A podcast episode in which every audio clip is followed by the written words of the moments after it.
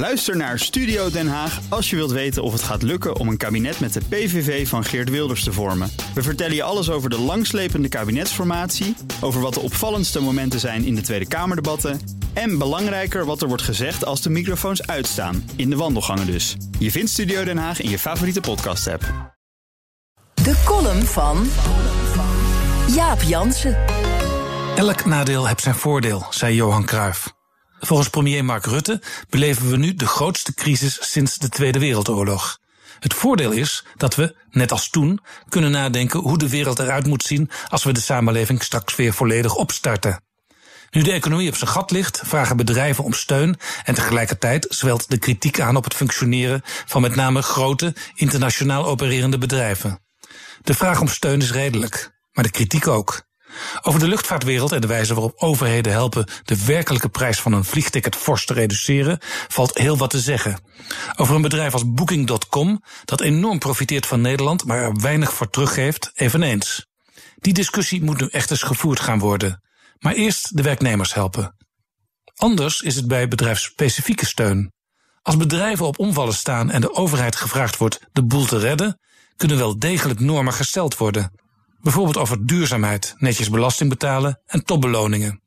Er is een klimaatwet, het kabinet streeft naar een circulaire economie en kringlooplandbouw. Die doelen kunnen dan versneld een extra stimulans krijgen. Ook kun je denken aan overheidsaandelen in ruil voor steun, net als in de vorige crisis bij sommige banken. Om de investering terug te verdienen, niet om permanent een vinger in de pap te hebben. Ambtenaren als baas van een bedrijf, dat werkt meestal niet bewijst het deze week verschenen boek van twee FD-journalisten over staatsbank ABN AMRO weer eens. Interessant is dat het bewustzijn over nieuwe voorwaarden waarop de overheid met het grote bedrijfsleven moet omgaan op het Binnenhof al begint in te dalen. Onlangs nam de Tweede Kamer een motie aan die laat zien dat de politiek kritischer wordt. Een motie van PvdA Henk Nijboer om bij bedrijfsspecifieke steun voorwaarden te stellen. Drie van de vier regeringspartijen stemden voor. De VVD deed toen nog niet mee, maar gisteren, in het wekelijkse coronadebat, meldde ook Klaas Dijkhoff zich. Dat verbaasde me niet, gezien het discussiestuk Liberalisme dat werkt voor mensen, dat hij een jaar geleden schreef.